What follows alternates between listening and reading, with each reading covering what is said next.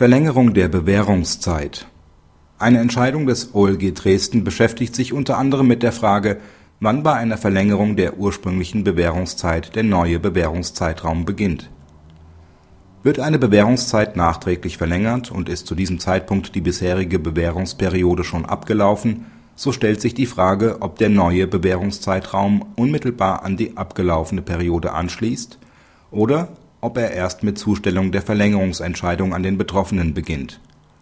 Das OLG hatte bisher letzteren Standpunkt vertreten, mit der Konsequenz, dass zwischen dem Ablauf der alten und dem Beginn der neuen Bewährungszeit ein bewährungsfreier Zeitraum bestand, in dem begangene Straftaten keinen Bewährungswiderruf rechtfertigen konnten. Diese Ansicht hat das OLG jetzt aber in einer neuen Entscheidung aufgegeben Danach ist nunmehr davon auszugehen, dass sich die Verlängerung stets unmittelbar an den abgelaufenen Bewährungszeitraum anschließt. Dies gilt auch dann, wenn zum Zeitpunkt der Beschlussfassung auch der verlängerte Zeitraum bereits wieder abgelaufen sein sollte. Der Senat beruft sich hierbei auf den Wortlaut des § 56f Absatz 2 Satz 2 StGB, der ausdrücklich von verlängern und nicht von neu anordnen spricht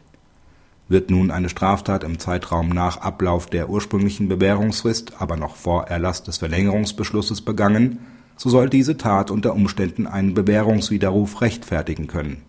Der Verurteilte genieße insoweit nämlich keinen Vertrauensschutz, wenn er bereits vor Ende der regulären Bewährungszeit von der Prüfung einer Verlängerung im Hinblick auf einen früheren Bewährungsbruch erfahren hat.